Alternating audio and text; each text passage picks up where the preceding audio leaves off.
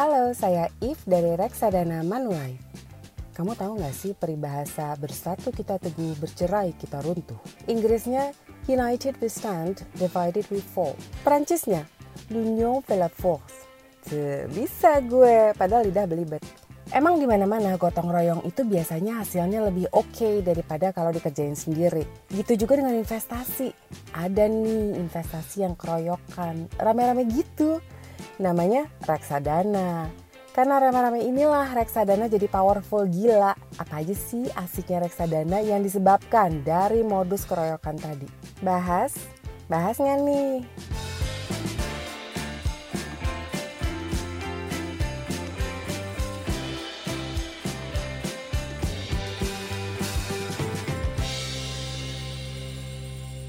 Yang pertama pastinya dari sisi modal. Reksadana itu investornya bisa ribuan orang. Dengan modal kecil-kecil, ya yang gede juga ada, nggak pakai maksimal juga untuk invest di reksadana sih.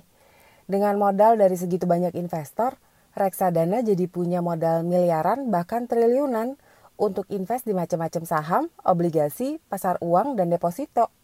Coba kalau kamu sendirian, modal terbatas, terus mau invest di banyak saham, banyak obligasi, plus ditambahin deposito sekaligus. Agak rempong ya, Bo. Yang kedua, sisi ekspertis atau kecakapan mengelola dana.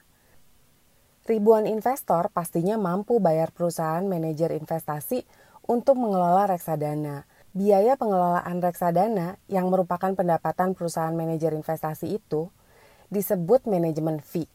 Besarnya paling juga 1-2% setahun dari total dana kelolaan reksadana.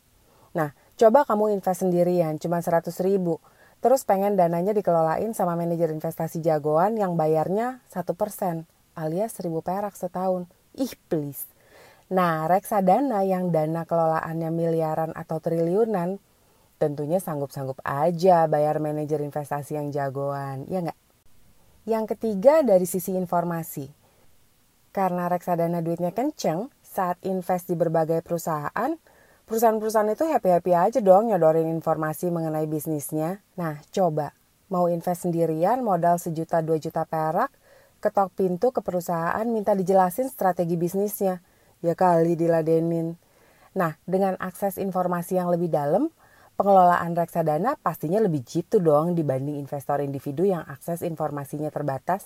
Yang keempat, bunga khusus.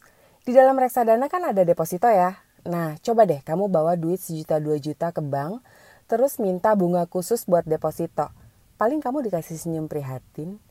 Tapi kalau yang datang reksadana dengan modal gede, bank dengan happy akan kasih bunga khusus. Yang pastinya lebih gede daripada kalau kamu buka deposito sendiri. Terusannya yang keberapa nih? Nggak tahu. Terusannya pajak juga khusus. Kalau investor individu invest di obligasi, keuntungannya dipotong pajak 20%. Sedangkan kalau reksadana yang invest di obligasi, pajaknya cuma 5-10%. Jadi keuntungannya lebih gede kalau invest lewat reksadana kan? Satu lagi nih, kalau kamu mau usaha patungan, biasanya mesti nyari temen dong. Mau berdua kek, bertiga kek. Intinya mesti nyari yang sama-sama mau dan punya modal. Bener nggak? Abis itu investasinya mau ke mana mesti dirembukin. Satu nggak mau bisa bubar. Nah di reksadana beda. Di dalam reksadana udah ada ribuan investor. Kalau kamu mau join tinggal nyebur aja. Satu hari BU atau pengen cairin ya bisa kapan aja. Nggak perlu berembuk dulu sama investor lainnya.